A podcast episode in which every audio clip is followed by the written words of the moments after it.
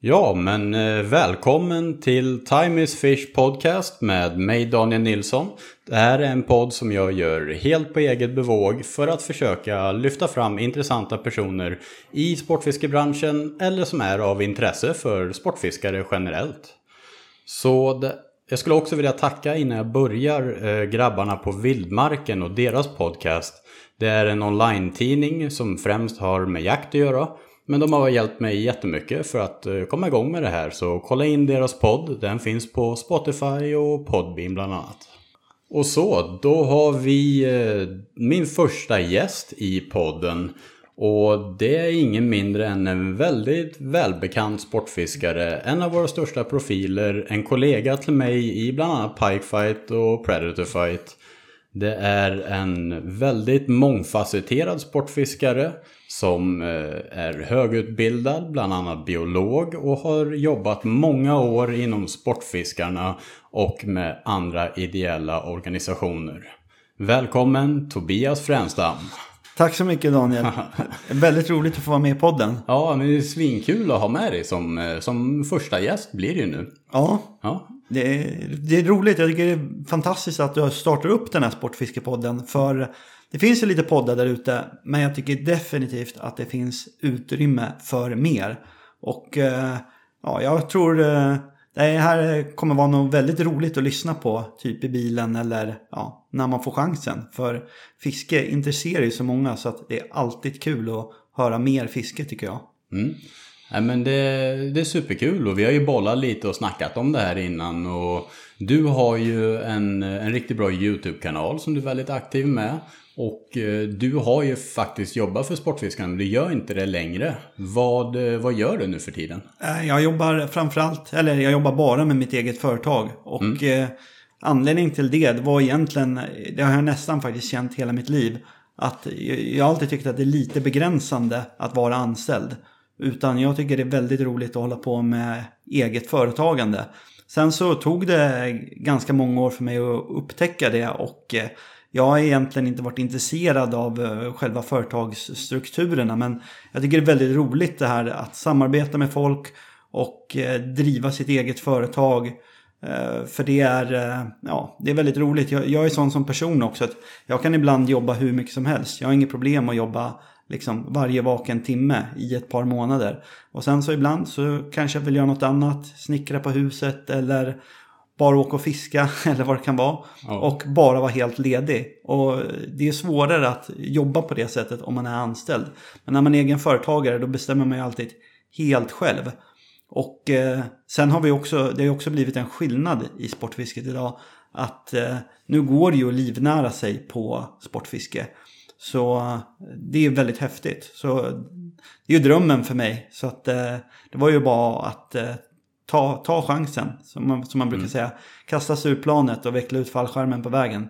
Det är ju häftigt. Du är ju, du är ju den första som, eh, som inte är anställd och gör det här på heltid.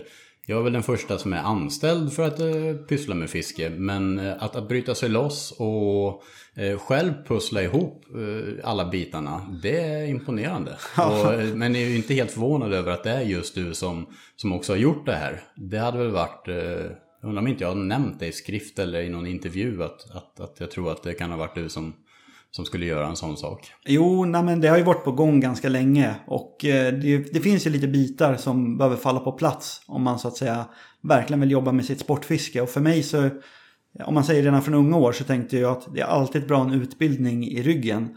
Och jag är ju biolog i grunden. Jag jobbar ju, har ju jobbat väldigt många år med fiskevård.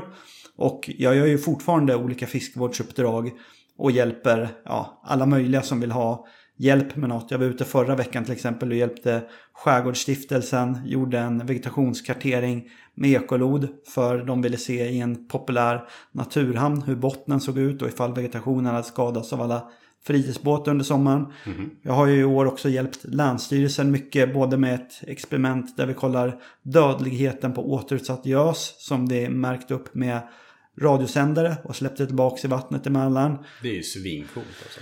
Det är väldigt häftigt och eh, jag har hjälpt Länsstyrelsen i Stockholm mycket. Vi har gjort mycket utvärderat fredningsområden för fisk. Eh, om fredningsområdena fungerar, blir det fler, blir det större gäddor. Eh, så jag har ju, kan man säga, det i ryggen. Sen så arbetar jag ju, och har gjort det i många år, då, väldigt tätt med andra företag i redskapsbranschen. Och det är ju då bland annat Pure Fishing som det heter, det är ABO då. På redskapssidan och så Mojo Boats båtar, Mercury motorer, Atlantica båtförsäkringar, Lawrence ekolod eh, och lite olika samarbeten kan man säga. Så man försöker pussla ihop det då så gott det går. mm. Nej, men det är imponerande att du, att du har lyckats gjort det. Och, och det är någonting när vi har pratat eh, sinsemellan genom åren så du har ju tänkt på ett annat sätt när det kommer till eh, hur man representerar ett varumärke och vad som faktiskt är ja, men bara en, en schysst kompisdeal ifrån ett varumärke och faktiskt sponsring. Alltså ja. du, du har satt krav på leverantörer och med all rätt, du gör ett fantastiskt jobb för många av dem. Och, och, och då ska man också, det ska betala sig. Jo, men jag det, är ju, det är ett jobb. Jo, men jag tror eh, om man ser tillbaks till hur jag började min, om man säger sportfiskekarriär. Så var det ju så att kanske någonstans där runt 2010 så började väl komma det här att folk började vara då sponsrade eller man var testfiskare, man var med i olika team. Och jag blev ganska tidigt också involverad i olika team. Och man gjorde ju det bara av lust. Det var ju jätteroligt liksom att få kanske testa ett spö, man testade nya betesfärger. Man tyckte till om en gummiblandning i ett bete. Eller vad det än kunde vara. Eh, och jag, jag har samma engagemang för det där idag. Jag tycker att det är hur roligt som helst när det kommer nya drag eller kommer nya typer av utrustningar helt enkelt. Men om eh, de här kraven eh, börjar då gå från att man, gör något bara för det är kul och när man har tid till att det faktiskt ska testas. Eh, och det ska testas kanske under vissa förhållanden eller en viss mängd tid eller liksom att det, det, testningen helt enkelt, det blir inte bara som en liten extra grej utan det blir en del i produktionsledet för att man ska ta fram den här produkten och göra den så bra som möjligt. Då blir det också mer av ett jobb och eh, det tar väldigt mycket tid, det tar mycket fokus så jag tycker självklart att gör man någonting då som eh, ja, hjälper de här stora företagen så man måste också kunna ta betalt. Och sen, Men helt klart, det är ju jätteviktig ja. input för företagen att få någon som dig som testar produkterna och sånt. Alltså det är, ju, det är ju jättemycket värt för sen slutkonsumenten när de ska använda produkterna. Så det är ju fantastiskt att du har liksom satt press på dem och, och liksom, men också sett att det här faktiskt eh, det, det, är någonting som det är värt någonting. Ja, och jag kan säga det också att det är ju väldigt ofta när vi testar något som, eh, eller väldigt ofta, men, men det händer att saker blir fel. Och eh, ofta så är det inte för att de här, eh, den europeiska designen är dålig från början. Men mycket av fiskegrejerna de tillverkas i Kina. Och Kina de är lite opolitliga på fabrikerna. Eh, för att dels så verkar de ha någon ja-sägarkultur. Så att när någon representant är där och säger jag vill ha det här draget. Det ska vara gjort det här materialet. Det ska vara den här viktningen. Så säger de på fabriken Yes sir, yes sir. no problem, no problem. och sen eh, när ja, då kanske AB-representanten åkt därifrån. Så tänker de, hur kan vi göra det här draget billigare? De sa ju att de vill ha zink i betet, men vi klipper i bly. Det är ju mycket billigare. Ja. Och så klipper de i bly och så gör de det ena med det andra. Så att helt plötsligt när de här första samplesen börjar komma till Europa så det här draget som skulle sväva, det sjönk kanske som en gråsten. För att de har fuskat och bytt ut material. Och eh, det är ju bland annat sånt som vi tittar på då. Mm. och försöker verkligen kvalitetssäkra och se att det blir så bra som det var tänkt. Mm. Och det är ju inte givet. Och självklart så nu, nu är det ju extra långa ledtider i produktionerna. Det har varit lite stört här med corona och frakter och allt vad det är. Men det är väldigt viktigt när man beställer mycket av en vara att det faktiskt blir rätt. För det kostar ju jättemycket att göra fel. Mm. Så... Det här, det här med corona över, överlag, alltså det är ju helt galet. Och det är nu vi börjar märka effekterna på det. Alltså Kina har typ slut på ström just nu. Ja. Många fabriker har typ öppet två dagar i veckan jämfört med typ fem eller sex. Så att, eh, och med alla frakter. Så det, det är nu vi kommer börja märka de här riktiga effekterna utav av Corona med, med kanske med prishöjningar, förseningar och, och, så vidare. Så nu skulle jag ju vilja skänka en extra tanke liksom till att, att faktiskt handla lokalt och stötta eh, de butiker som man har nära sig. Och inte bara inom fiske utan det här är inom allt, eh, tycker jag. Absolut, det är svårt att se vart det tar vägen nu med Corona. Eh, mm. För som du säger, det är ju det är stora problem med leverantörskedjorna. Ja. Så ja, det påverkar ju allt. Och mycket har blivit dyrare. Så är det bara. Ja, och det kommer nog bli ännu dyrare tyvärr. Men hur, hur nu har du ju tagit det här till en, en, en nivå som vi inte trodde för några år sedan i Sverige. Hur började hela fisket för dig? Eh, alltså, vi, vi känner ju dig relativt bra genom produktioner och din YouTube-kanal. Men hur, hur började fisket för Tobias Frändstam? Nej men eh, för mig var det egentligen så att jag, eh, jag gillade ju att fiska. Min pappa fiskade ju lite grann. Men han fiskade ju alltid han hade med ett spö. Kastade lite när vi var ute och badade på sommaren. Fick några abborrar ibland. Han introducerade mig aldrig i fisket utan jag tyckte det såg väldigt spännande ut. Så tjatade jag mig till ett eget spö. Fick ett AB Matic-spö, eh, inkapslad rulle. Eh, Mm. På den här tiden riktigt usla grejer. Man kastade, klassiker. man kastade kanske fem meter på ett långt kast. Men eh, jag lyckades få någon abborre, jag metade toppknut, jag fick några abborrar. Tyckte fisket var väldigt roligt. Jag jag var väldigt intresserad av, alltså om man säger naturfilm. Jag älskade när de filmade under vattnet. Tyckte det var så spännande att liksom se fiskar. Eh, Men jag höll ju på med massa andra saker också. Jag höll på med jättemycket sport. Eh, Både fotboll, ishockey, innebandy, skytte. Ja, allt möjligt liksom som man kunde hålla på med. Eh, Men jag, men jag gillade verkligen att fiska. Och när jag blev lite äldre, framförallt kanske när jag började komma upp till att jag gick i mellanstadiet. Då fick man på ett helt annat sätt vara ute själv. Att man kunde ta cykeln och vara borta en hel dag. Och då började vi cykla och fiska mer och mer och mer. Och till en början så var det ju flera som jag umgicks med som var ganska, eller lite intresserade av fiske. Jag var alltid me- mer intresserad av fiske än alla andra. Men eh, vi var ju och fiskade liksom och fick lite gäddor, fick lite abborrar. Eh, och sen när jag började, egentligen så var det kanske när jag gick i sexan. Det var en kompis till mig som, han skulle köpa fiskegrejer. Och han hade köpt en fisketidning och visat att det var ria på Berras. Och vi åkte upp till Berras och eh, köpte oss varsitt, ja, på den här tiden, det hette Kardinal SM och, och eh, ABU SM-spö var det så här. Det var, Var det här på Vallhallavägen eller? Eh, det var på Hornsgatan, så det är det som var Okej. Söder Sportfiske nu. Men Ja, då började vi åka upp dit och handla. Och så liksom gick man in där och köpte något spö. Och på den tiden så fanns bland annat David Lundqvist. Det fanns en kille som hette Jesper och så fanns det Henke Sandahl. Då. De jobbar ju på den här butiken. Och direkt när vi var där inne och handlade då kanske de sa så här. Ja, vart fiskar ni grabbar? Ja, vi bor i Järna liksom. Ja, då ska ni ha den här wobblen. Och vad använder ni tafs? Ja, och du vet så vi kanske använder liksom någon en decimeter lång sån här original AB tafs. Och så Ja. sa de, nej ni ska ha de här tafsen. Vad har ni för krokar? Ja, de som sitter på wobblen. Nej, ni ska ha de här krokarna. Ni ska ha kemvässade gamakatsu typ. Och så började det sådär. Så då började vi liksom åka upp dit och liksom lära oss lite mer. eh, Och eh, få tag på bättre utrustning. Fiskade ännu mer. Och eh, när framförallt när jag gick i sjuan, då fiskade jag liksom hela tiden. Men det var också så när jag var yngre att de flesta tyckte ju att det var ganska töntigt att fiska. Fast eh, för mig så var aldrig det där något problem. För jag var duktig i sport och liksom, alltså, jag, jag lät mig inte påverkas av andra. Och jag tyckte det var så jäkla coolt att fiska. Så jag bara fiskade liksom hela tiden. Jag kommer ihåg när vi hade engelskan, man skulle ha med någonting som man gillade och prata om. Jag tog alltid med en wobbler in i klassen och berättade om det här är en wobbler. Och du vet, liksom, det var bara fiske. Liksom. När vi var på bilden, då satt jag och ritade fiskar. Och liksom, jag tyckte verkligen fiske var kul. Och eh, det gjorde jag egentligen hela högstadiet. Men sen eh, när jag gick i nian ungefär, då började internet slå igenom på allvar. Och eh, då kom ADSL. Och det var ju alltså från 56K-modem, modemet som var jätteslött så hade man någon typ av bredband. Och eh, folk började spela, man började ha LAN, man spelade olika spel på nätet. Och det där höll jag också på med när jag gick ungefär ettan på gymnasiet. Och tyckte att det var jättekul ett tag, men sen så kände jag helt plötsligt att, för jag gick också på ett gymnasium som heter IT-gymnasiet.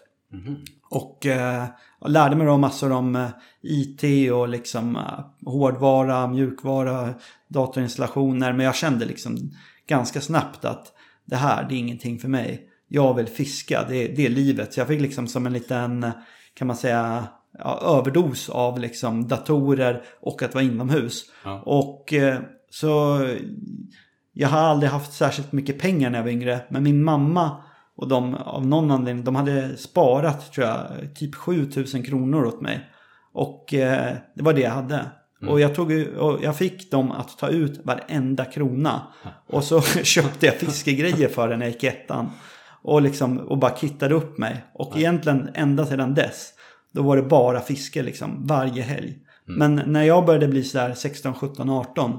Då var det liksom, det var ingen annan som jag kände som fiska. Det fanns en annan kille som jag kände som fiska och han gick i Forshaga. Så han var bara hemma på höstlovet. Han var hemma vid jul och han var hemma vid påsk. Då brukade vi fiska. Annars så fiskade jag liksom varje helg själv. Hur gammal är du nu? Eh, nu är jag 36. Ja, jag är ju 33 år så vi är inte långt från varandra. Så det var, ju, det var ju tråkigt på det sättet. Men det var ju så, jag tyckte att det var så kul att fiska. Och det tyckte jag också när jag blev äldre. Jag tyckte ju när jag blev 18, det var ju absolut roligt att gå ut på krogen.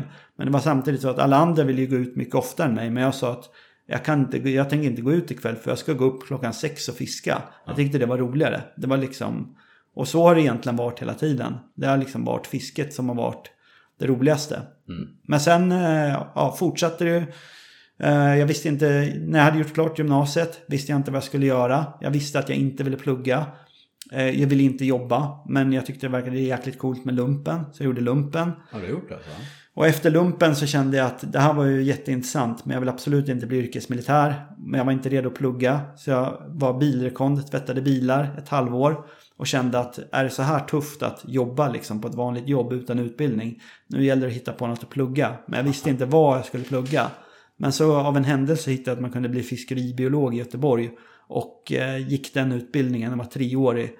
Och det var bland det roligaste jag gjort. Jätterolig utbildning där man lär sig, ja i princip då det mesta om fisk och vatten. Ja. Och, och egentligen ända sedan dess, jag har ju bara fiskat, fiskat, fiskat, fiskat hela tiden. Och sen så började jag jobba med fiskevård då. Och man kan väl säga att e- efterhand som jag jobbade med fiskevård så förändrades ju också branschen. Och det som har hänt i sportfiskebranschen också är att den har vuxit väldigt mycket i omsättning. Så det är fler som fiskar idag. Folk lägger mer pengar på sitt fiske. Och det har ju också gett utrymme till att eh, man kan jobba mer med eh, att sportfiska. Och sen också det att internet eh, har vuxit fram på ett sånt sätt så att traditionell marknadsföring har fått vika lite på foten. Om man säger förut kanske det viktigaste för ett stort företag det var att annonsera i en fisketidning. Men det finns inte längre. Och då måste man lägga pengarna någon annanstans.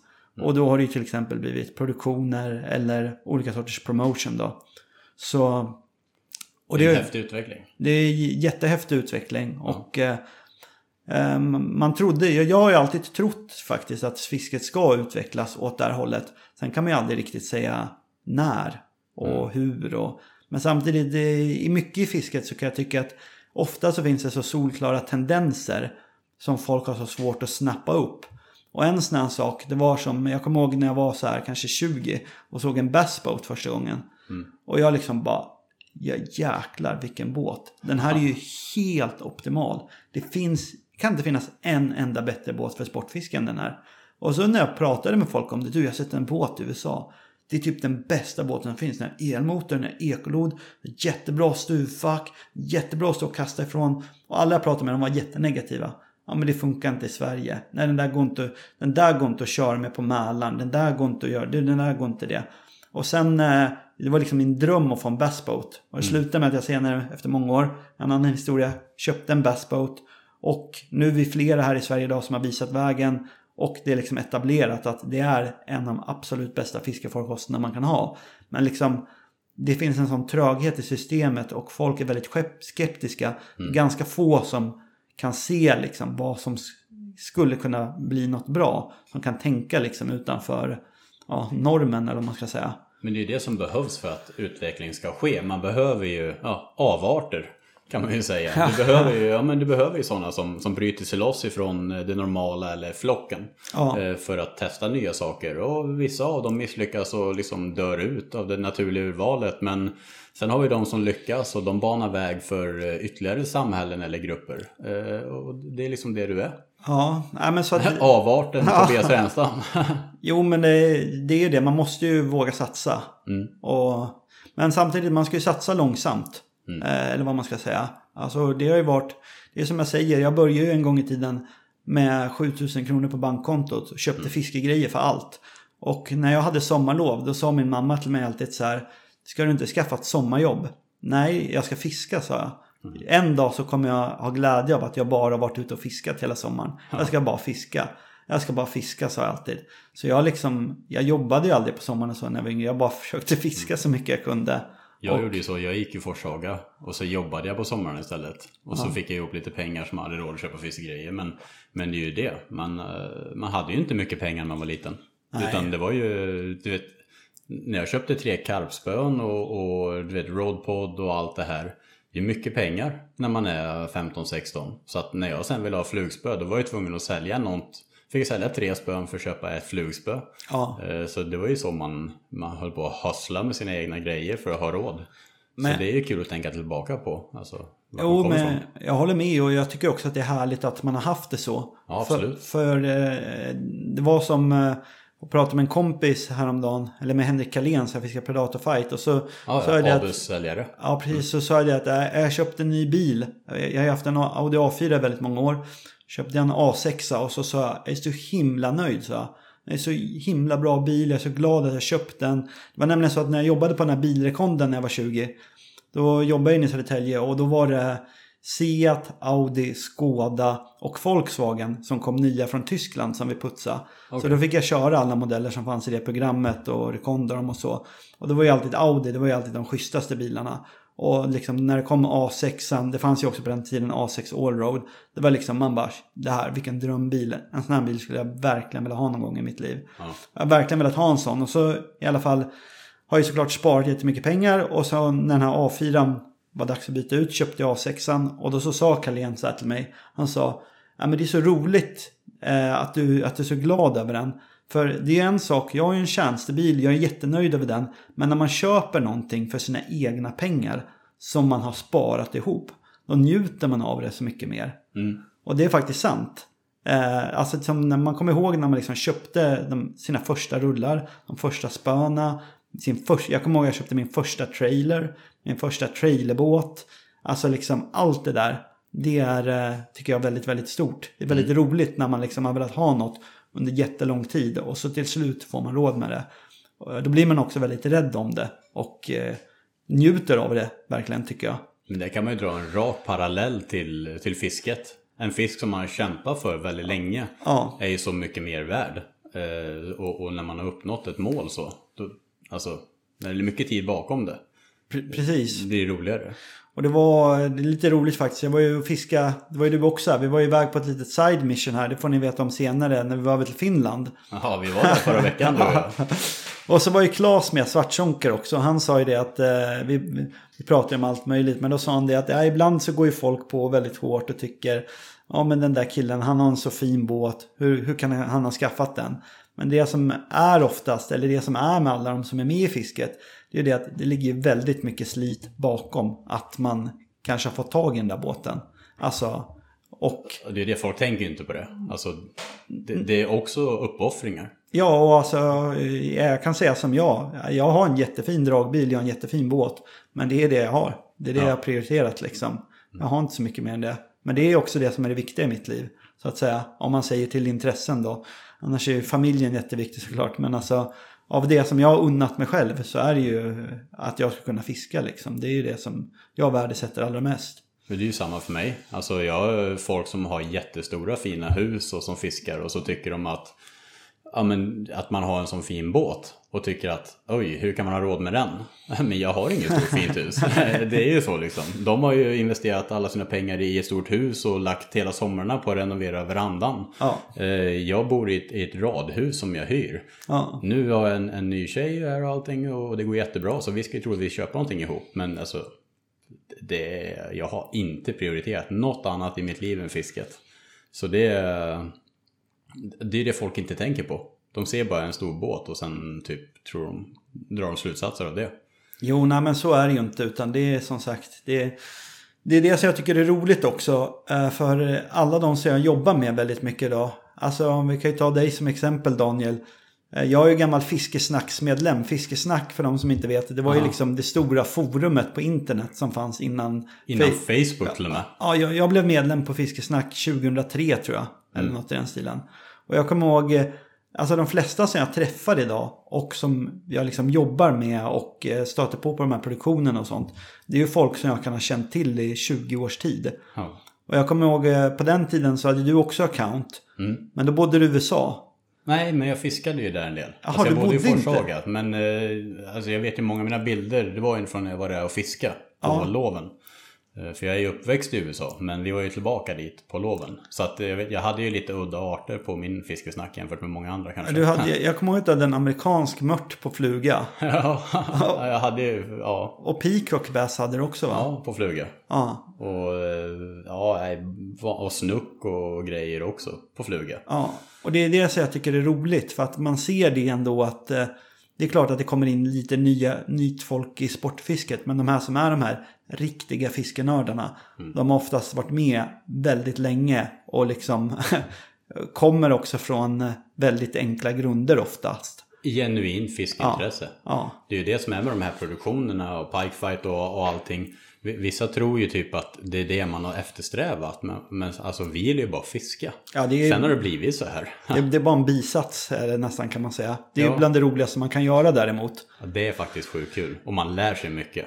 Ja, alltså, Jag har lärt mig jättemycket i och med pikefight. För man, man tvingas att fiska på ställen man aldrig skulle fiskat annars. Ja. Och ja, man lär sig ju någonting att, att hur trög dag det än är. Så är det alltid något team som lyckas bra. Vilket betyder att du kan alltid ha en bra dag på sjön. Du måste bara jobba hårdare. ja. Jo, men jag Ungefär. håller med. Och det, det är så roligt också för att eftersom allt spelas in så finns det ju ingen idé att mörka hur dagen har gått. Nej. Så man säger, man säger efteråt att "Ja, jag drog tre gäddor där nere legat. Och så får man reda på det. Och så kan man fundera på men hur kan de ha fått det? Var det för att det började blåsa eller hade de ett mindre drag eller Ja. vad det nu kan vara. Men det är, så, det är verkligen så roligt och intressant. Och eh, ja, det blir ju liksom, är, man längtar ju efter varje inspelning nästan. Om det inte har gått riktigt, riktigt dåligt. ja, jo. då, då längtar man ju bara tills man får ut igen. Antingen om man har vunnit, då längtar man nästa gång, då jäklar, då ska de få stryk igen. Går det dåligt, ja då vill man ju ta revansch. Ja, men det är ju så. Så- Det, vi är mitt uppe i en uh, pikefight-säsong. Avsnitt 4 släpptes igår. Avslutningen på Sjö X. Och framöver kommer ju finaldagen då. Så det, det är, Det är alltid jättekul. kul. Jag tycker det är kul när det är så här säsong som är aktuell. För det blir... eh, man lever på ett lite annat sätt under veckorna. Alltså det blir mer rörelse tycker jag. På sociala medier och allting. Eh, mer snack och, och mer eh, relevans tycker jag. Inom branschen. När det är, oavsett vilken produktion det är. Så det, det blir mer liv och rörelse. Jo, men det, det är verkligen kul att det har blivit så mycket fiske som det är nu. Alltså jag vet ju själv när jag var yngre. Jag liksom satt och trånade efter att någon skulle ha bandat viss nappare på VHS. Som jag kunde titta på. Och så idag då är det liksom internet svämmar ju över av jättefina produktioner och folk som gör egna loggar och liknande. Det finns ju liksom, det finns så mycket information att ta sig till. Ja, vi pratade om det senast igår du och jag. Att, alltså, det går inte att kolla på allting längre. Nej. Alltså dels produktionerna men sen också alla, alla privata YouTube-konton och så. Men ändå högkvalitativ fiske. Eh, som för, ja, back in the days. Det, alltså, som du säger, man gick och trånade efter eh, väldigt alltså, eh, enkla saker. Och nu så bara serveras allting gratis för alla i deras telefon. Ja, Det är ju fantastiskt. Det kommer ju att skapa en snabb utveckling bland unga människor. Ja, och jag tycker också att det är så häftigt att folk har det engagemanget. Alltså om man tänker som, vi säger som, eh, det var David Lundqvist som sa till mig en gång när han pratade om engagemang. Så sa han det att det kan vara någon som sitter och snidar på en sån här master för de ska gjuta sin egen kedjig. Och lägger ner 100 timmar på att göra en master och gjuta sin egen kedjig. Och sen när de har gjutit kedjigen, då ser den exakt likadan ut som 150 andra kedjiggar. Simmar på samma sätt etc. Men liksom att folk går in så mycket i fisket. Och jag håller med, det är asfett att göra sin egen kedjig. Skulle gärna lägga 100 timmar på att göra en kedjig som är som alla andra kedjiggar. Men min egen. Och det, det, liksom, det finns ju aldrig någon gräns i sportfisket hur mycket man kan hålla på med det. Alltså, Och det finns ju heller inget tak för hur mycket man kan lära sig. Och liksom, nej. man lär sig någonting varenda dag. Ja, men jag håller med alltså. Det, det, det är verkligen så roligt. För det är ju det som gör fisket så intressant i längden. Att ja, man kan, man liksom, man blir verkligen aldrig fullärd. Det är det som är sportfiske för dig. Strävan efter att lära sig mer. Jo, men det, det skulle jag nog nästan säga. Det är ju egentligen det roligaste. Alltså det, den enda gången jag tycker att fiske blir lite mer ointressant. Det är när man fiskar eh, och känner att man kan för mycket om en sorts fiske. Ja. Alltså att du säger att du har någon vik du har varit i. Du, du har varit där 50 gånger på samma år. Och så vet du nästan, du vet nästan hur stora fiskarna är, du vet vart de hugger, du vet när de hugger, på vad de hugger. Alltså, och det, det, det tycker jag är lite, för mig är det lite mer ointressant. Jag är ju så, om man säger där jag bor, eh, jag har ju fiskat i verkligen varenda sjö som finns runt omkring mig. Och vissa sjöar är ju absolut bättre än andra. Men det är inte så att jag alltid fiskar i den bästa sjön. För det kan ha varit så att jag fiskade i den sjön som kanske var störst abborrar. Där fiskade jag jämt för tio år sedan. Men jag fiskade där så mycket så att jag vet nästan hur det funkar där och det är inte så roligt. Så jag tycker det är roligare att fiska i en annan sjö. Mm. Där de kanske istället, där nappar det bara i gräset. På den första sjön då kanske det bara nappar på djupa grynnor på dropshot. Mm. Men då får jag lära mig att fiska gräs, upptäcka något nytt. Så det, det, är ju så mycket för mig. Det är ju det är faktiskt att upptäcka lusten och, och, testa grejer. Det tycker jag är det roligaste. Sen, det håller jag helt med om. Alltså fångsten är väldigt viktig i sportfisket. Alltså det, man älskar ju att få en stor gädda. Mm. Men det är ju inte liksom, det är inte grammen och centimeterna som är glädjen. Utan det är ju ändå vägen till fisken. Mm. Alltså i grund och botten så är det ju, man, vill, man gillar ju bara att vara ute och fiska liksom på ett roligt sätt. Lite klyschigt men det är resan som är målet. Ja men så är det verkligen. Ja, faktiskt. Så, nej, så det tycker jag faktiskt är väldigt, väldigt roligt. Ja. Eh, och eh, kan också tycka att, eh, jag, vet att de flesta tycker så här, men jag tycker att det är något många pratar för lite om. Alltså, eh, jag vet ju att det är många som säger så här, eh, eller det hör jag hela tiden att det är så, det är så högt fisketryck och det är så många som har börjat fiska där. Och, eh, liksom, ja. och jag bor ju väldigt nära Stockholm men jag ser ju väldigt sällan andra som fiskar. Mm. Dels fiskar jag ju ganska mycket på vardagarna men Alltså jag är ju så här att om det bara är jättemycket folk som fiskar på ett ställe, ja då åker jag bara till nästa ställe och fiskar. Mm. Det är ändå så att, det har man ju lärt sig också tycker jag i de här produktionerna. Att det finns ju så mycket mer fisk på ställen där man trodde det kanske var dött. Ja. Alltså det finns många gånger, du vet jag fiskar... Berätta om elfisket. Ja. Det är ett jättebra exempel. De som kör ja, med en elfiskebåt och det var, testfiske. Det var lite roligt. Ja, vi har Jätteintressant. På, vi har hållit på mycket i Stockholms skärgård med att utvärdera fredningsområden. Som alltså är stängda för fiske under våren. Mm. Och ett av de här fredningsområdena heter Bihagsmar och ligger på Gålö. Är den bara fredad på våren? Äh, ja, den är fredad på våren. Det, det, är ett ganska nytt fredningsområde. Men okay. vi har varit där och fiskat med spö. Och i våras var de där och drog, jag vet inte hur många gäddor de drog. Vi säger att de drog 40 gäddor på spö kanske eller något. Ja. Och eh, ja, det, på två vändor då, på 16 timmars fiske. Och man tyckte liksom, shit, nu har de fiskat bra här. Då måste jag, då måste jag fångat varenda gädda i den här viken nästan. Sen var det i alla fall en kille som eh, kommer långt uppifrån Norrland någonstans. Han har köpt hem en amerikansk elfiskebåt.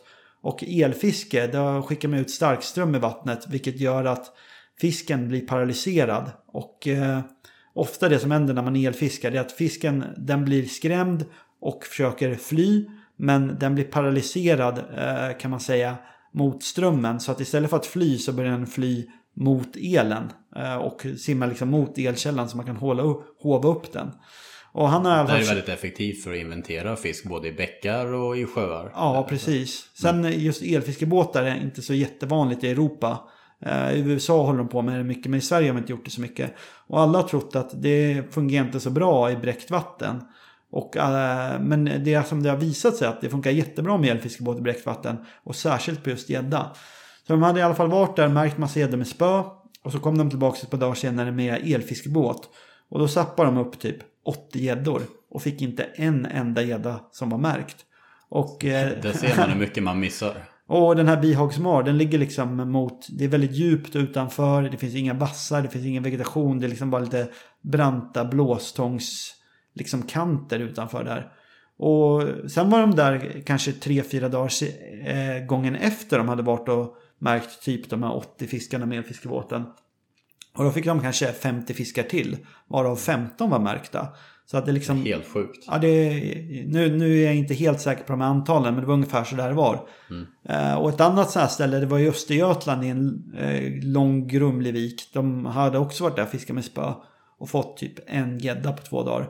Och då drog de 109 gäddor med elfiskebåten och typ två 9 kilosar. Så uh, det var väldigt, väldigt roligt. Det låter som att jag behöver ett sånt där aggregat på min Nitro inför nästa pikefight. ja, det hade jag också behövt. Men, eh, nej, men det, är, det är jättekul liksom och kun, kunskapen går ju faktiskt framåt. Mm. Så, eh, men det är svårt med referenser där också för att vi har ju bara testat en elfiskebåten nu. Hade man gjort det för tio år sedan, man kanske hade sappat upp tusen gäddor. Ja. Det är ingen som vet. Eh, Men det är klart och tydligt att vi lär oss massa saker om då, till exempel gäddan i skärgården som vi inte visste. Som där i Bihagsmar, där måste de sprida sig ganska långt och leva på helt andra ställen då än vad, man, än vad vi har trott. Vi har ju alltid trott att de håller sig ganska nära den här vassviken och framförallt i den då. Och att det kanske är en stor del av beståndet som är inne på våren. Eh, Men det verkar ju som att det liksom går in fisk och leker och sedan går ut då under väldigt kort intervall där. Mm. Så jätteintressant alltså. Ja, det sånt där är ju riktigt coolt. Och det är ju kul för att som sagt, eh, vi lär oss ju nytt hela tiden. Och det här med fisketrycket som ökar på många ställen. Alltså det finns ju så mycket ställen man kan åka till där det inte är högt fisketryck. Jo, men det Ja, håller jag helt med om. Jag gillar ju inte heller att fiska där det är mycket folk. Så alltså, jag har ju inte varit nere i Kalmarsund på två år nu och fiskat vårfisket där nere. Nej, Eh, Det finns så mycket andra ställen längs med kusten och fiska abborre. De är inte lika stora. Men man kan fånga flera abborrar och, och ändå fina, liksom riktigt fina. Så här, upp till 14-1500 finns det massa ställen längs med ostkusten man kan fånga. Och det är samma fiske som Kalmarsund men man fångar fler fiskar, man lär sig mer på det. Och eh, alltså jag ligger helt ensam på de där områdena. ja. Och för mig så är det liksom mycket mer värt än att fånga några riktigt stora kanske. Men att ligga bland 30 båtar. Så det är ett tips till alla också. Alltså det finns många fler ställen än vad man tror. Ja, så något jag ofta brukar tänka på det är ju att nu är det väldigt svårt men jag tror inte de största fiskarna är upptäckta heller. Alltså ska man ha en riktigt stor fisk. Eh, jag har ju fått några riktigt stora gäddor så genom åren. Alltså upp till 16 kilo. Och då har jag ofta fått dem ganska snabbt. Men jag får dem alltid när jag hittar ett nytt ställe. Alltså att jag hittar liksom ett nytt ställe, ett specialställe som ingen annan vet om. Okej. Och, att bara, och där stod den och var ostörd och så får man den. Mm. Sen desto mer man fiskar på stället liksom, brukar man inte få de största. Utan de storheterna de är ju ofta ganska aggressiva och eh, lättlurade om de är ofiskade. Men så fort de blir fiskade då kan de ju bli hur svåra som helst. Ja, de har ju ingen anledning att vara skeptiska. En fisk är ju naturligt nyfiken Ja. eh, utav sig. Så det, det, men det är klart, det, antingen om man ska ha en riktigt stor gädda, då ska man, eller en stor fisk, då ska man ju fiska där man vet att det är stora fiskar, det finns mycket fiskar, man kan vänta ut dem. Eller så kan man ju leta sig fram till dem, liksom och leta där ingen annan har hittat dem än. Och det är också väldigt tidskrävande. Ja, absolut. Men, Många nitlotter. ja, ja, vi, men det höll jag framförallt på med, eh, eller överhuvudtaget om man säger, eh, nu för tiden, eh, nu har jag ju tre barn. Jag hinner inte alls åka runt och fiska. När jag var yngre då älskade jag liksom att ta bilen, åka en helg, bara liksom tälta eller liksom sova någonstans och fiska två dagar inom typ 50 mil. Liksom. Jag åkte ju bara fiska så fort jag fick chansen överallt. Sen eh, nu för tiden då blir det ju mer att man får ta vara på de stunderna man har då. Så det blir ju det blir ju för varje år liksom man fiskar mer och mer lokalt. Mm. Och Men- det är förståeligt. Det är otroligt att du orkar med ändå. Tre barn, två Ja. är väldigt små och ni håller på att renovera ett hus. Ja, Du har ett eget företag du precis liksom börjar driva igång och nu ska du montera en ny Nitro Z20 också. Så. ja men det, är- för mig blev det ju lite så också att jag älskar ju att fiska. Alltså det är liksom det enda jag tycker, det är det jag vill göra. Så det har ju också blivit så att ska jag fortsätta fiska då måste jag göra fisket till ett jobb. Ja. Det är så jag tänkt också. Och, eh, för då kan man ju fiska på jobbet rent ut Det sagt. är ju roligare att kombinera jobb och fiske eh, än att, att de ska strida mot varandra. Ja, nej men då hade man ju inte kunnat fiska jättemycket, så är det ju. Ja. Så, men det funkar faktiskt ganska bra tycker jag. Kul. Ja, det är kul. Det är, det är lätt att snacka med dig. Det flyter på. Du är, Ja. inte, du är inte, du är inte blyg på att snacka. Det vet vi. Evelina, hon har hörselproppar i eh, Ja, hela Pikefight säger hon. Hörru du, eh, jag skulle vilja köra en... Ja, något segment jag skulle vilja döpa till något speciellt. Typ 1-2 eller något sånt där. Ja. Eh, Man får säga en sak som man tycker antingen är dåligt eller som kan bli bättre eh, med sportfisket generellt. Men ska man göra det då måste man också komma med en konstruktiv åtgärd eller eh, ett tips på hur vi, gör, vi kan göra den bättre. Och säger man en dålig sak då måste man säga två bra saker.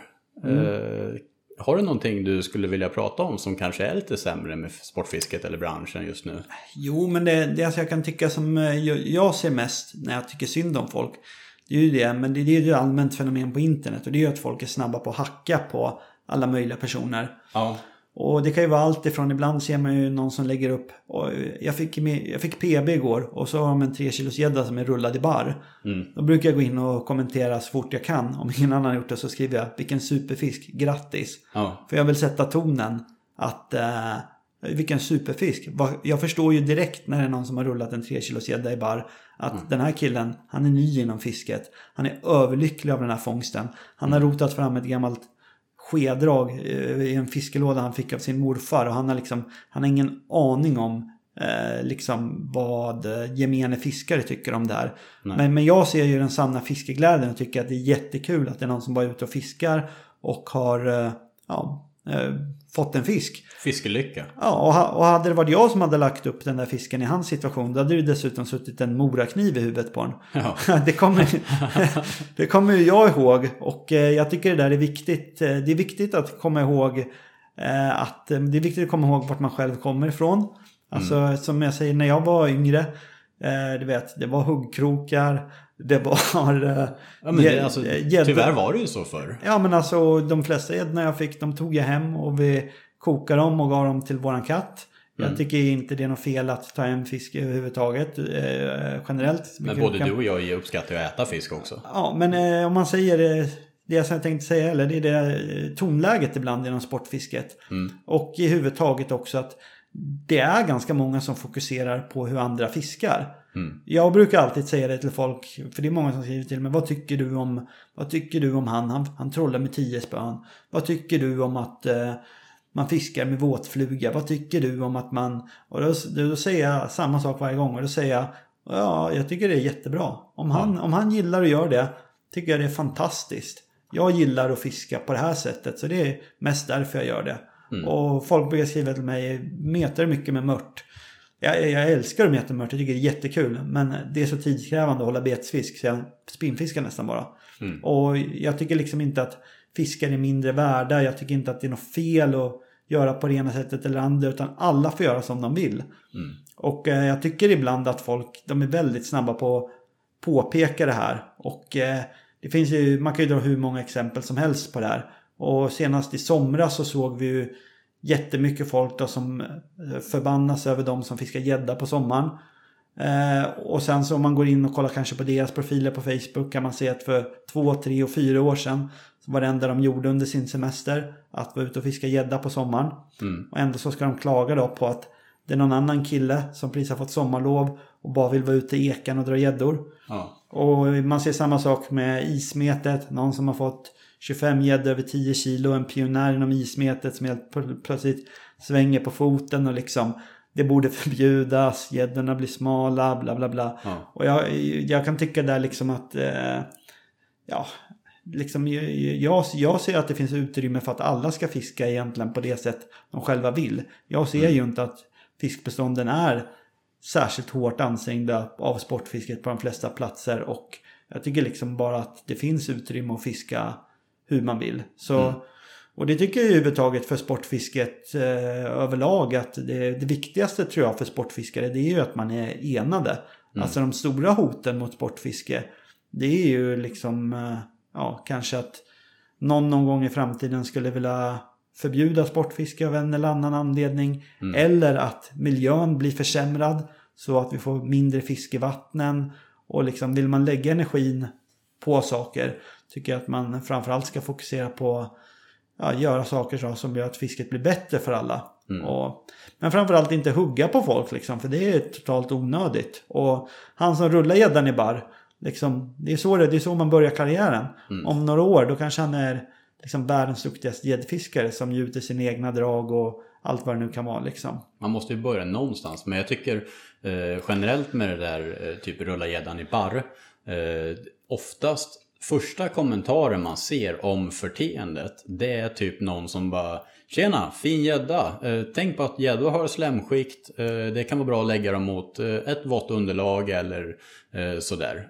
Men grattis till gäddan. Alltså en väldigt god och Ja. utbildande ton. Sen tycker jag att man ser ofta ganska många som liksom hetsar upp sig och bara åh man får inte ens fånga en gädda nu för tiden. Så bara, ja fast nu var du väldigt konstruktiv. Ja. eh, kommentar här och ett grattis. Eh, så jag tycker tonen har blivit bättre. Men generellt sett när det blir tjafs, då tycker jag det nästan alltid grundar sig i att folk bara ser till sitt egna fiske och inte ser till hur andra fiskar. Och det tycker jag är fel. För för mig är charmen med fiske eh, att eh, det är så mångsidigt. Alla kan ha kul med fiske oavsett plånbok eller intresse. Du kan trolla med tio spön, du kan meta med en mask. Ja. Det spelar ingen roll. Allt är ju sportfiske och det engagerar folk över hela världen. Så jag tycker att eh, en god ton för att alla fiskar inte likadant. Nej, och jag har ju alltid tyckt att det är jättebra. Skulle det bli världens supermeterstrend här i sommar, ingen fiskar abborre längre. Jag skulle jag säga, det här var ju superhärligt. Ja, nej men det finns så mycket inom fiske och man måste komma ihåg att vi ska samsas. För det är sportfiske och vi måste hålla oss enade. Ja, och liksom... Speciellt om vi alltså, får andra ögon på oss. Så är det ju bra om vi inte bråkar sinsemellan också. Nej men det tycker jag. Så, men jag tror också att det där kommer bli bättre. Jag tror att det där också är en, jag ska inte säga mognadsfråga, men jag menar, det är väl ingen som tycker om att det ska vara en otrevlig ton. Nej. Eh, och det tror jag att folk kommer ledsna på generellt. Sen tror jag också att det är lite kanske en åldersfråga. Det är lättare när man är yngre att haspla ur sig grejer än när man blir äldre. Eh, då kanske man tänker lite mer på vad man skriver och så. Ja. Men, eh, men det tycker jag generellt liksom. Det är, man, man ska hjälpa alla som ska in i intresset. Och verkligen tonen i sportfisket, den blir så bra som vi gör den. Och eh, jag är bara glad att så många som möjligt är intresserade av det här och vill fiska. För det kommer alla tjäna på. Det är Ja. vad jag tror. Det är ju väldigt, väldigt bra svar där. Väldigt bra svar Tobbe. Eh, Då har vi sagt en sak som inte är så jättebra med sportfisket. Har du två positiva saker att komma med? Som du ser inom branschen eller inom sportfisket? Jo, men eh, det finns ju my- mycket att lyfta. Eh, en sak som jag tycker är väldigt positivt, det är att jag tycker att det känns som sportfiskaren är väldigt ansvarstagande och väldigt medvetna. Att eh, det finns ju ingen liksom, mentalitet överhuvudtaget i att man struntar i fisken eller man struntar i miljöerna.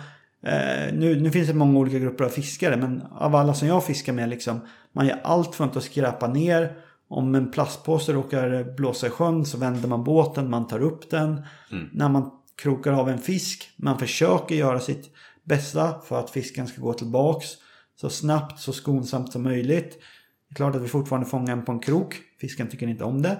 Men eh, Man skadar ju tyvärr alltid fisken. ja, På ett eller annat sätt. det, det gör man ju absolut. Liksom. Ja. Det, det hör ju till spelet faktiskt. Ja. Men eh, folk tänker på, eh, tycker jag, allt från vad de har för elbolag, vart kommer den här strömmen ifrån, till eh, om jag röstar på det här partiet, vad tycker de om trålfisket i Östersjön, vad tycker de om, ja, jättemycket olika frågor. Så att liksom folk är ju väldigt, väldigt rädda om fisken. Det tror jag generellt stämmer väldigt, väldigt bra. Och eh, det tycker jag är jätteroligt. Och eh, de flesta går ju nästan längre än vad de behöver. Eh, om man säger som en sån här sak som det har ju varit tal om det jättemånga gånger att vi ska ha någon sorts fiskeavgift i Sverige för att fiska på det fria handredskapsfisket. Eh, och det där är en sån sak som om, om man frågar egentligen vilken vanlig sportfiskare som helst så vill ju alla bara, och jag skulle gärna betala 1000 kronor per år om det går till fiskevården. Jag skulle gärna betala bla bla bla. Och liksom de flesta värnar ju verkligen fisken och vill bara väl. Mm. Eh, sen är det andra hinder som gör att det inte blir sådär. Men det tycker jag är roligt att det finns faktiskt ett väldigt positivt engagemang. Att eh, man bryr sig verkligen om eh, den här resursen. Mm. Eh, och det, det, det, är, det är ett äkta engagemang så det tycker jag är kul. Och en annan sak som jag tycker är roligt det skulle jag nog kunna säga att det är faktiskt fiskeutvecklingen i Sverige. Och eh, jag har ju självklart då kollat mycket på USA. USA ser jag som den, liksom stora fiske, eh, ja, fiskenationen i världen. De är ju framkant inom mycket. Ja men alltså är det någonstans där man är ett proffs då, på riktigt i fiske, då är det i USA. Ja. Och, och du vet vissa är ju så här när det gäller ja, vad det är för teknik som gäller eller vad för bete som gäller så säger de ja men det där är ju bara reklam. Men i USA där kan man ju fiska en tävling med 500 000 dollar på linan liksom. Vinner du då får du 500 000 dollar. Det är ingen som åker och fiskar en sån tävling och har en jättedålig båt, ett jättedåligt drag, ett dåligt spö. De använder det, de, det bästa de kan för att vinna. Kanske inom vissa ramar då, att de har vissa samarbetspartners och så. Men, De är ju ett föregångsland. Eh, men jag vill också säga att Sverige är ett föregångsland. Tittar man i Europa så är vi jätteduktiga på att fiska. Alltså jag tycker att det är jättehög kunskapsnivå bland de som fiskar. Tar man olika tekniker, alltså vi kan ta vertikalfiske, vi kan ta prickkastning eller vi kan ta gäddfiske. Eller att, saker som att skapa, skapa redskap. Eh, som att göra beten för gäddfisket eller abborrfisket. Alltså vi lånar ofta in metoder eh, och förfinar dem och tycker att den allmänna kunskapsnivån i Sverige är väldigt hög. Om du åker till en vanlig ramp idag i Sverige och ska rampa i din båt och det kommer ett par båtar till där. Då känner jag direkt att det här är vassa, det här är vassa fiskare. De här har koll på det här. Eh, Att folk är väldigt duktiga idag i Sverige tycker jag. Att ta Vi till har sig en, en metoder. väldigt hög nivå, tycker jag. På gemene man som fiskar. Ja men jag tycker också det. Och ska, nu var det ett tag sedan jag var med på en vanlig tävling. Jag har inte haft tid med det tyvärr sista åren. Men när åker jag på en vanlig gäddtävling på Mälaren då vet ju jag att om inte jag fiskar riktigt bra då åker jag på storstryk. Ja. Det är inte liksom att eh, 70% av startfältet knappt vet var gäddorna finns. Utan folk de, de har bra redskap, bra kännedom och liksom är riktigt duktiga fiskare. Mm. Så det, och det tycker jag är väldigt kul att eh, det är så stark sfär i sportfisket. Att eh, folk är så duktiga liksom. Ja, men det är, alltså jag tror Trumman var, sa det för förra året någonting. Vi har världens bästa eh, betesbyggare och gäddfiskare i Sverige. Och ja, men det är nog mycket som vi har alltså som folk är väldigt, väldigt framåt och duktiga. Alltså många länder är inte såklart duktiga men eh, gemene man har väldigt hög kunskap och duktiga i Sverige. Jo, Det är coolt att se. Jag tror också det. Och jag tror eh, det enda som så att säga skulle kunna göra oss ännu duktigare. Det tror jag är, eh, vi har varit inne på det lite, men om man säger som tävlingsfisket. eh, Det, man blir en lite bättre fiskare om man fiskar bland annat tävlingar och även fiskar vatten där fisken är fiskad. Oj. Minuspoäng för att du inte har på ljudlös. Ja. Nej men eh, det- jag tänkte säga är att det enda som... Jag ska se. Jag Helvete vad torr det blir i halsen. ska se. Så. Nu ska jag se vart var. Eh, Det här med Ja. tävlingsfiske, man blir bättre fiskare. Jo men det är så jag tror också som kommer vara i framtiden. Och också om man knyter an till det här med att det faktiskt är fisketryck i vattnen. Jag är ju så att jag tycker det är ganska intressant när det är fisketryck. Jag kan bli lite triggad av det. Att när jag är ute och fiskar privat och så ser jag att det är massa båtar som har fiskat på den här kanten idag. Då kan jag bli så här. Nu ska jag också fiska där och få fisk. Ja. för, för nu vet jag att, för det tycker jag är jätteintressant. För jag vet ju att i en vanlig tävling, jag kommer inte kunna fiska jungfruligt vatten hela dagen. Utan jag måste gå tillbaka på platser och fånga fiskar som har ratats, ratat de andras beten. Mm. Och då kanske visa något som fisken inte har sett. Eller presentera betet så mycket bättre att fisken blir så frestad att ta. För Jag tycker det är väldigt intressant att det är folk som fiskar på mina platser. Det tycker jag bara gör... Om vi säger att jag till exempel, jag ska fånga en abborre på en kräfta. Är abborren helt jungfrulig, den har aldrig liksom sett denna trapp. Då skulle du kunna ha en liten gren på jiggkroken och den tror att det är en kräfta och hugger. Men när fisken blir fiskad, eh, då kanske liksom det är jätteviktigt att det är rätt sjunkhastighet på jiggskallen, hur jiggskallen står på botten, hur du drar hem kräftan etc. Marginalerna minskar ju desto mer fisken blir fiskad. Och det tycker jag är ganska roligt för att jag är ju, som jag sa, jag är ute för att lära mig. Och jag tycker det är väldigt roligt att eh, känna att jag blir bättre. Jag tycker det är jätteintressant att liksom se sådana här samband som att ja, men det var inte alls bra med den där typen av jiggskalle när fisken blev fiskad. Då skulle man ha den här. Men ja, så jag ser ju positivt på fisketryck i den aspekten. Och eh, också tävlingar då för att man tvingas att utvecklas. Det är det jag känner med pikefight och allt det här. Jag har lärt mig så sjukt mycket för att det gäller ju verkligen att, Ja. att göra allt man kan. Just den dagen i det vattnet. Eh, och det är ju så sjukt häftigt. Man lär sig mycket. Och det är roligt också, man har ju aldrig koll på förutsättningarna. Man har ju varit där kanske fiskat en, två dagar. Och så tänker man att ja, men det kommer ju vara så här. Ja. Och sen blir det andra förutsättningar, det kanske är ett annat vattenstånd, en annan vattenfärg. Och det är så många gånger också man har märkt att fisken har flyttat sig.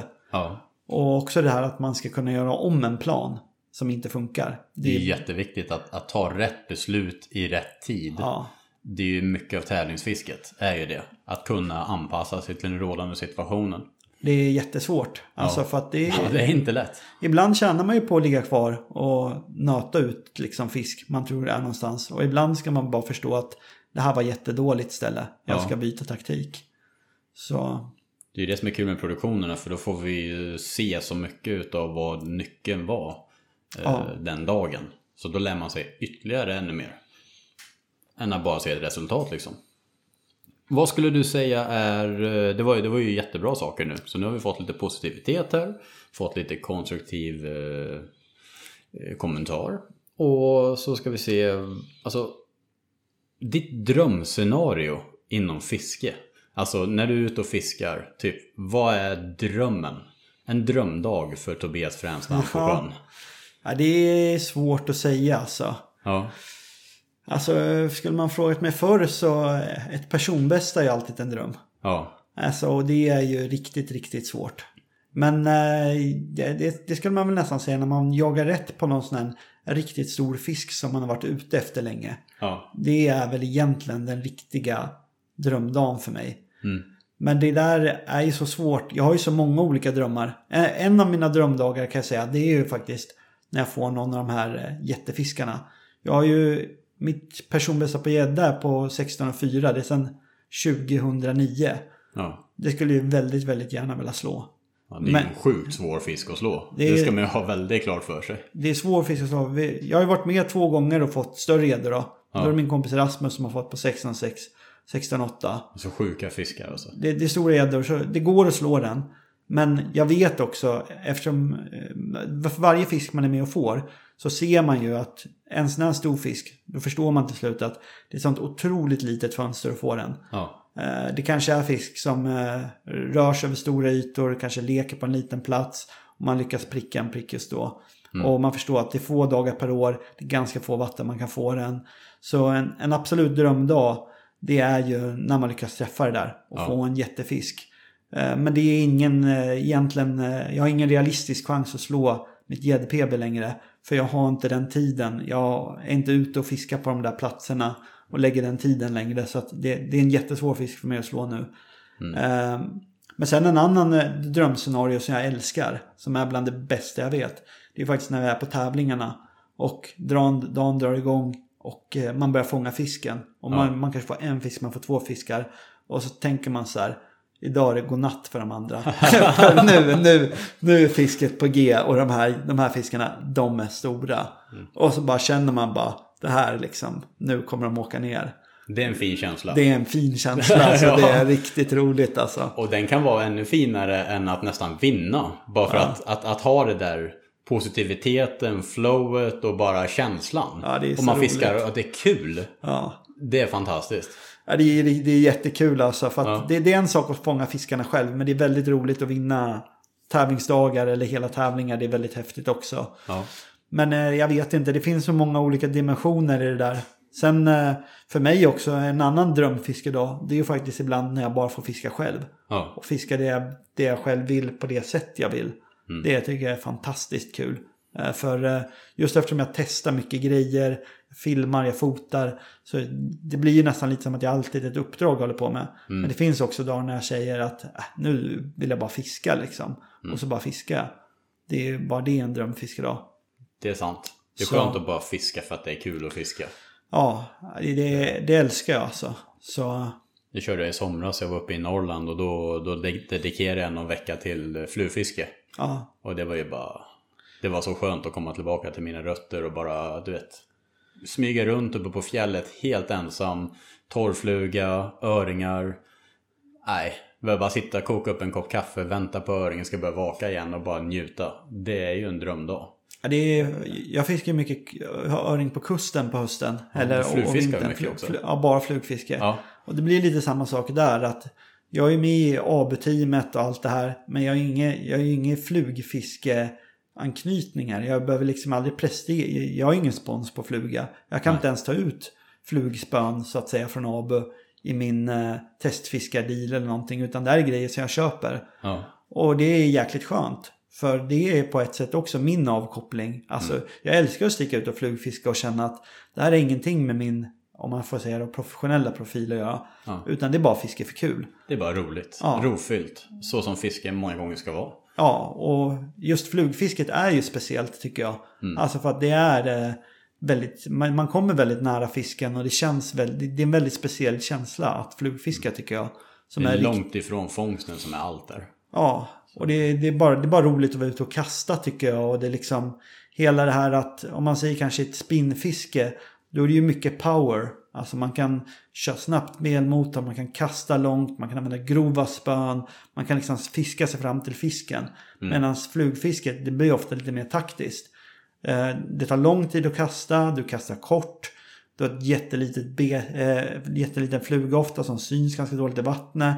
Istället för att eh, liksom gå på power, om man säger, så, så går det ju mer på eh, precision. Du liksom, den här udden, här kommer öringen stå. De kommer stå i strömla bakom den här vågen där den bryter.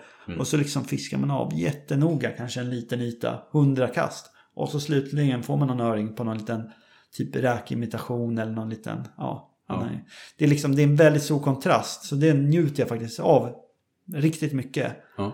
Och även om jag då fiskar i Stockholm, jag fiskar öring precis här där jag bor, så det är ju aldrig någon annan som fiskar här när jag är ute. Alltså, Ja, men det är ganska få ändå. Alltså det är många förhållandevis här jämfört med kanske lite norröver och så. Men det är ändå det är en stor skärgård.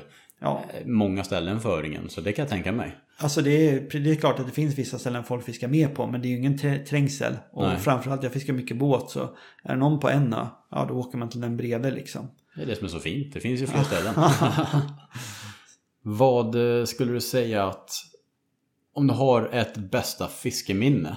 Ja, Är det något sådär speciellt som du kommer ihåg extra mycket? Det behöver absolut inte vara en stor fisk eller så, men det, det lilla extra. alltså ett fiskeminne som var väldigt viktigt för mig, det var nog när jag fick min första 10 kilos gädda. Ja, För jag hade ju, jag, jag hade ju inte dåliga förutsättningar när jag var yngre att fånga en 10 kilos gädda. Jag hade ju väldigt bra vatten, jag fiskade här i skärgården. hur gammal var du då? När du fick den? Eh, Jag var 18 typ när jag fick min första. För Ja, eh, jag, jag hade fiskat massor när jag gick i högstadiet. Jag hade tappat en gädda en gång som var jättestor. Eh, för att ja, jag fick på en stor gädda, drillade in den till båten, tog den med ett järngrepp. Lyfte upp den i båten och så började den sprattla och då släpper jag den. Och så ramlar, faller ner i vattnet och ruskar med huvudet, får in linan i munnen. Så Åh, linan går av och den dyker ner. Och det där liksom, det hängde efter mig i många år. Eh, och sen så i alla fall så var det först efter jag hade gjort lumpen. För jag hade, jag hade, alltså som båt så hade jag en båt som jag rodde med när jag var yngre och fiskade liksom. Jag hade inget eko, jag hade något ekolod ett tag men du vet, alltså jag fiskade så basic, jag hade inga pengar.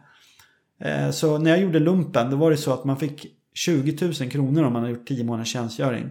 Och så fick man 20 000 till när man muckade mm. om man fullgjorde sin eh, utbildning då. Och jag i alla fall, jag köpte en bil och så köpte jag en båtmotor. Det var det mina pengar gick till. Ja, Och sen så sa jag, jag kommer inte börja jobba, jag kommer inte plugga förrän jag har fått en gädda över 10 kilo. så, det är Så- lite roligt. ja, så då åkte, och så, jag vet att jag skulle egentligen ha muckat typ 10 april.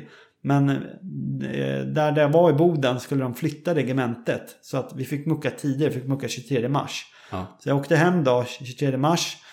Fixade allt och jag bara gick och väntade, väntade och väntade på att isen skulle gå i Järnafjärden. Och eh, isen det året den gick 9 april. Och jag kommer ihåg jag puttade i min båt på båtklubben. Kanske en kilometer is utanför mig. Och så är det som lite så här, li- lite öppet runt bryggorna. Så jag kör runt med min båt inne vid bryggorna så här och försöker göra svall. Händer ingenting. och så till slut i frustration så kör jag in bara i isen så här och bara. Åh, jag vill ut och fiska. Och så bara sitter båten i en halvtimme. Och så helt plötsligt när jag kört in i isen då bildas det som en spricka. Och så blir det en så här typ två meter lång spricka i hela isen. För isflaket på något sätt glider isär. eh, Som är en kilometer ut. Och jag bara, jag bara det här kan stängas. Jag bara, nej jag drar. Så jag bara drar ut genom isen, ut och fiskar. Men där hinner typ mycket, isen var så dålig så började det smälta bort under dagen. Men så började jag få massa fisk och så liksom bara fiska dag efter dag efter dag. Och så efter nio dagar, då fick jag min första gädda över 10 kilo som vägde 11 och 2. Och, Häftigt. Ja, det, var, det var roligt för att då kändes det som att jag hade ju fiskat jättemycket innan. Men eh, jag hade ändå liksom, du vet, man hade ett spö, man hade lite beten, man rodde runt i den där båten. Nu kunde jag liksom fiska på ett lite annat sätt. Och då kände jag att nu satt första. Och sen så liksom bara började det rinna på. Började få, för då, då, då blev det liksom som, det är inte omöjligt att få en 10 kilo seda. Det, det går att få den. Men eh, det var som när jag fick den första att eh, ja, jag förstod att det var inte omöjligt. Och eh, ja, liksom, jag började förstå sambanden. Och sen så liksom rann det ju på bättre.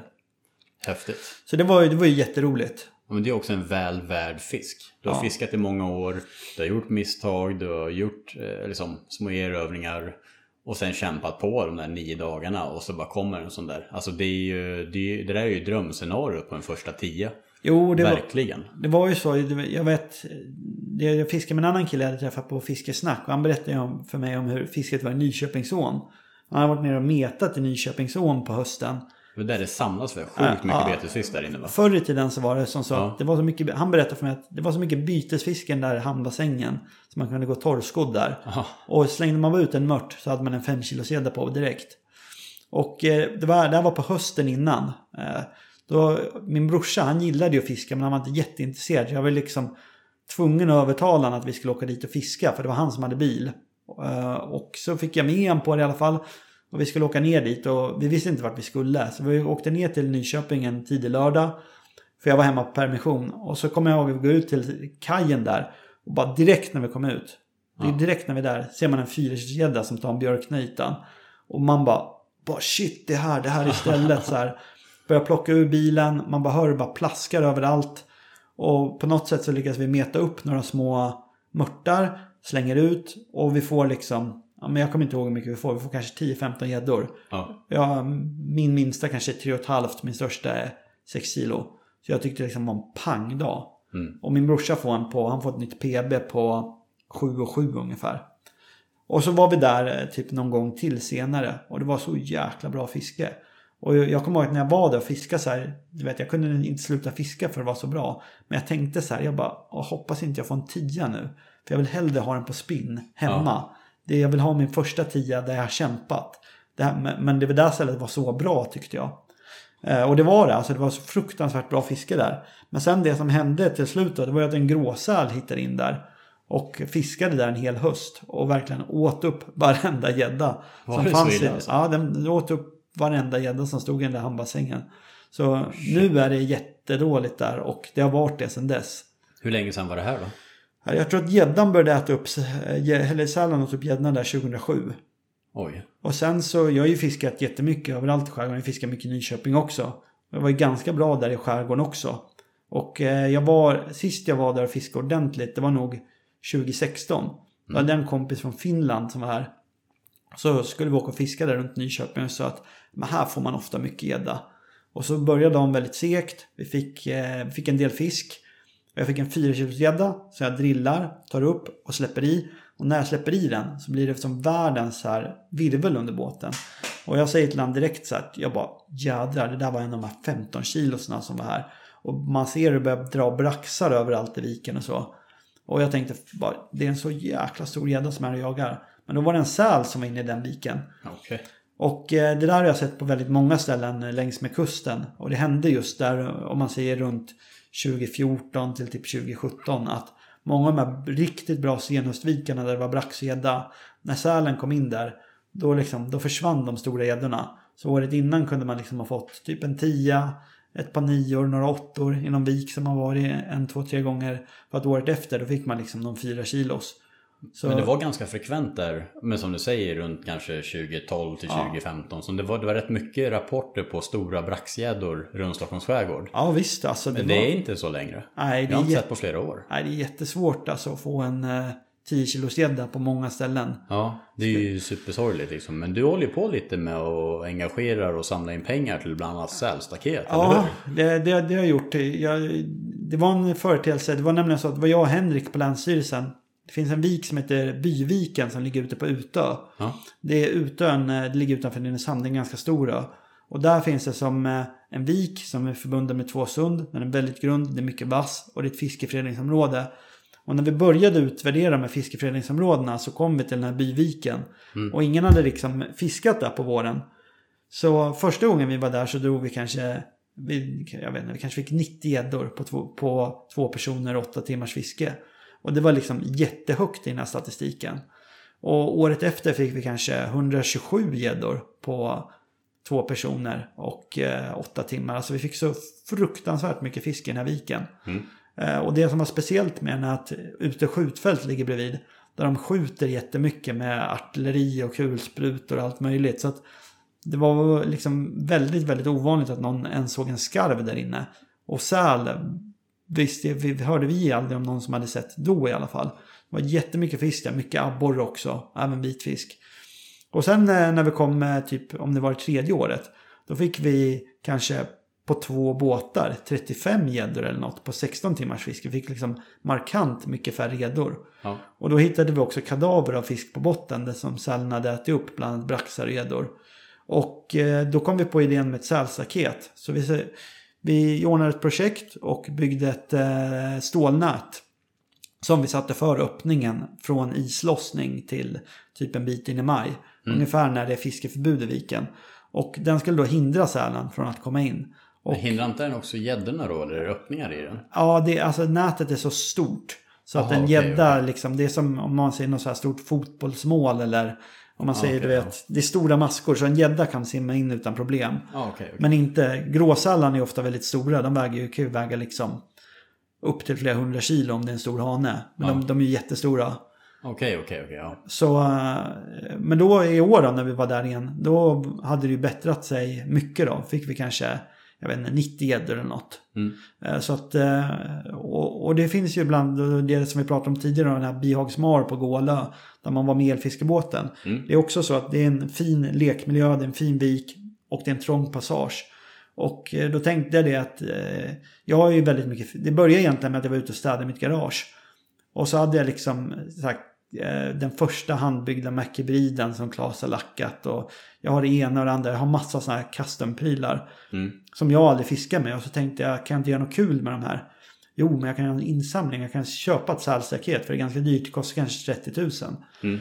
Och eh, jag har bara gjort en insamling än. Jag sålde en hybrid för 4 och 4. Det är ju fantastiskt. Och det kommer komma mer grejer. Det finns ingen, jag har ingen deadline på det här projektet. Men jag ska, jag ska sälja grejer och auktionera ut coola prylar och allt vad det kan vara.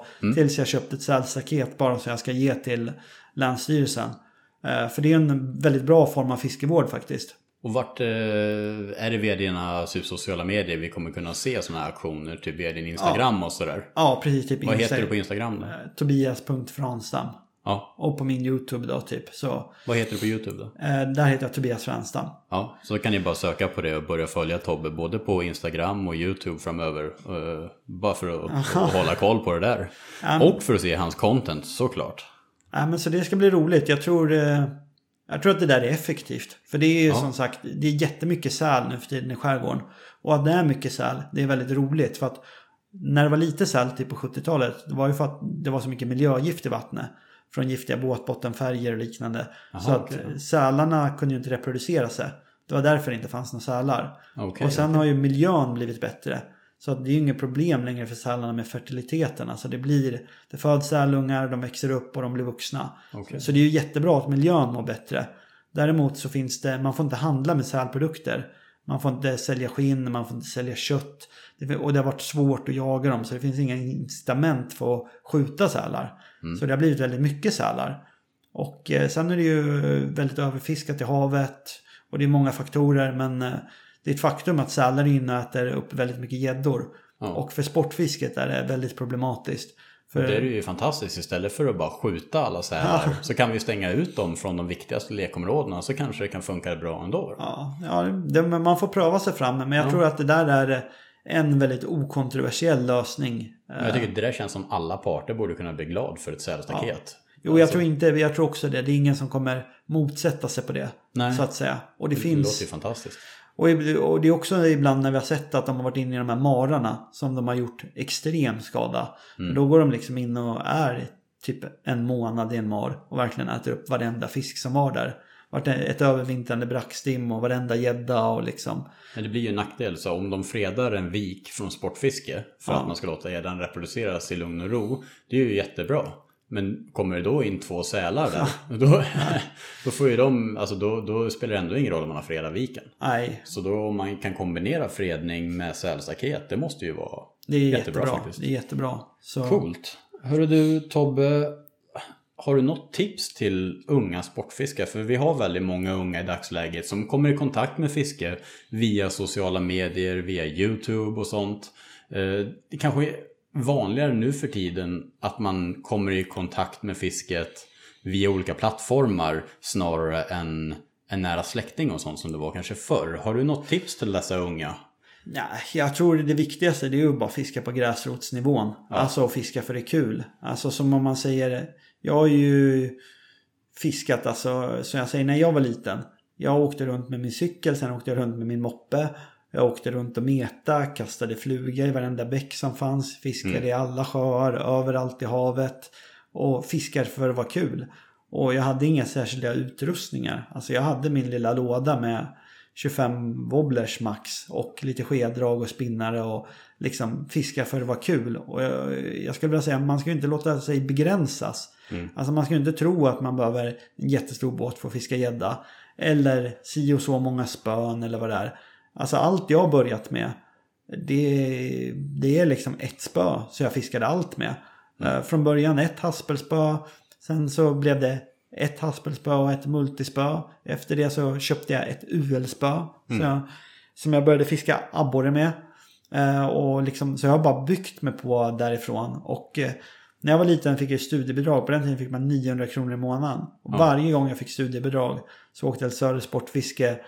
Och så köpte jag wobblers för hälften av pengarna varje månad. Det var en det första, bra investering. Ja men det var det första jag gjorde. Eh, liksom, det var alltid månadens wobbler. Jag brukade alltid köpa typ en saltwobbler och kanske en bomber eller det var lite olika.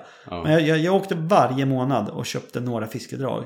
Och sen när det var jul eller jag fyllde år då, då önskade jag mig andra saker. Kanske om man kunde önska sig en rulle ibland eller ett spö eller vad det nu kunde vara. Men eh, sen byggde jag ju mycket egna drag också. Och det var ju bland annat för att eh, ja, det var ju roligt men man ville ju också ha mer fiskedrag. Så jag byggde mycket drag. Men eh, jag tror det viktigaste det är bara att kasta sig ut och fiska. Ja. Och jag tror inte att något fiske kan vara för... Alltså det finns så mycket fiske som är nära. Alltså här där jag bor, jag har ju fått eh, gädda eh, på 8 kilo. Eh, I en liten å jättenära där jag bor. Där ingen Ja. trodde det kanske fanns fisk. Jag fick gädda, liksom hyggliga gäddor på sådär 5-6 kilo. Jättemycket sjöar runt där jag bodde. Som var, ja men du vet, bara sådana små sjöar där man ställde sig på någon klippa och kastade liksom bredvid en vassrugg. Och det, det är inget speciellt. Och, Men det är viktigt att vara nyfiken och bara fiska. Och vi gjorde för att det är kul. Ja, och vi gjorde ju så. Vi knackade ju nästan på oss folk och frågade om vi fick låna båten. Och Ja. liksom, ja men du kan få en gädda om vi får någon, om vi får låna den. Så där gjorde vi, för vi hade inga egna grejer liksom. Så vi var bara ute och, vi var bara ute och fiska liksom. Det är det som är viktigt att komma ihåg. Även om man tittar på produktionen. Man ska inte tro att man behöver Nej. snabba båtar och sånt. Vi, vi behöver det i de här tävlingarna vi håller på med när vi åker runt och fiskar. Det är en annan sak. Men skulle man bara fiska privat så hade man inte haft det här behovet alls. Och man behöver inte tio spön. Man behöver inte cykeltröjor. Alltså Nej, ett spö räcker gott och väl. Och man måste ändå lära sig fiska. Och det kan du inte göra med tio spön samtidigt. Så jättebra. Bra tips. det tycker jag. Det är, att vara ute och fiska bara, det är det. Få tid att fiska. Ja. Alltså det är ju det som är det viktiga. Bara vara ute där och upptäcka och ha kul liksom. Ja, men jättebra tips. Tobbe, innan vi eh, helt rundar av så skulle jag jättegärna vilja att du eh, lämnar något förslag på vem jag kan bjuda in i podden. Du, du kommer garanterat att få vara med fler gånger. Men har du något förslag på en annan gäst jag skulle kunna ta med? Ja, det finns ju många personer. Men, säg tre stycken. Ja, en som är väldigt rolig faktiskt. Det är ju Henrik C. Andersson på Länsstyrelsen. Ja. Han är ju, skulle jag säga, om man ser till fiskeribiologiska kunskaper och sportfiskekunskaper. Han är ju den mest kunniga av alla. Alltså, han är jätteduktig på att fiska. Och han kan, om man tycker att jag kan mycket om fisk, han kan tio gånger så mycket. Okej. Han kan allt om fisk och förvaltning. Han är en riktigt bra snubbe. Han verkar skön också. Han är skön. Jag, jag, jag brukar säga det. Skulle han varit generalsekreterare för Sportfiskarna. Då skulle Sportfiskarna haft dubbelt så bra verksamhet och dubbelt så många medlemmar. Okej. Så, så bra är han för sportfisket. Ja. Så han tycker jag. Eh, och sen eh, tycker jag nog att... Eh, jag vet att du har pratat med Larsö. Mm. Han ska, det skulle vara jättekul att höra Larsö. Jag vet ju att han är också en sann fiskare. Det, det, det tänker jag bara slika in med här, för jag har spelat in en podd tidigare just med Lars Öhman. Eh, problemet var typ tre dagar efter inspelning så eh, blev jag av med all information i min dator där, och också podden. Så eh, jag har i pipelinen, Lasse har lovat att ställa upp en gång till i alla fall. Så ja, ja, men Larsö skulle ju vara jätterolig. Han är ju fantastisk gäddfiskare. Ja, han är en av de främsta vi har. Absolut. Utan tvivel alltså. Så det är ju väldigt kul att få höra lite stories från han. Ja, Och sen då, vem skulle man kunna ta mer som skulle vara väldigt rolig att höra? Det finns ju så många så att det är helt otroligt. ja. Men eh, jag vet inte, vad, har du någon själv på tapeten? Ja, det, ja, många. Många på tapeten. Det jag vill göra, jag vill bara lyfta fram folk och snacka med skönt folk. Och det finns det gott av i den här branschen. Ja, det finns hur många som helst skulle jag nästan Ja. säga.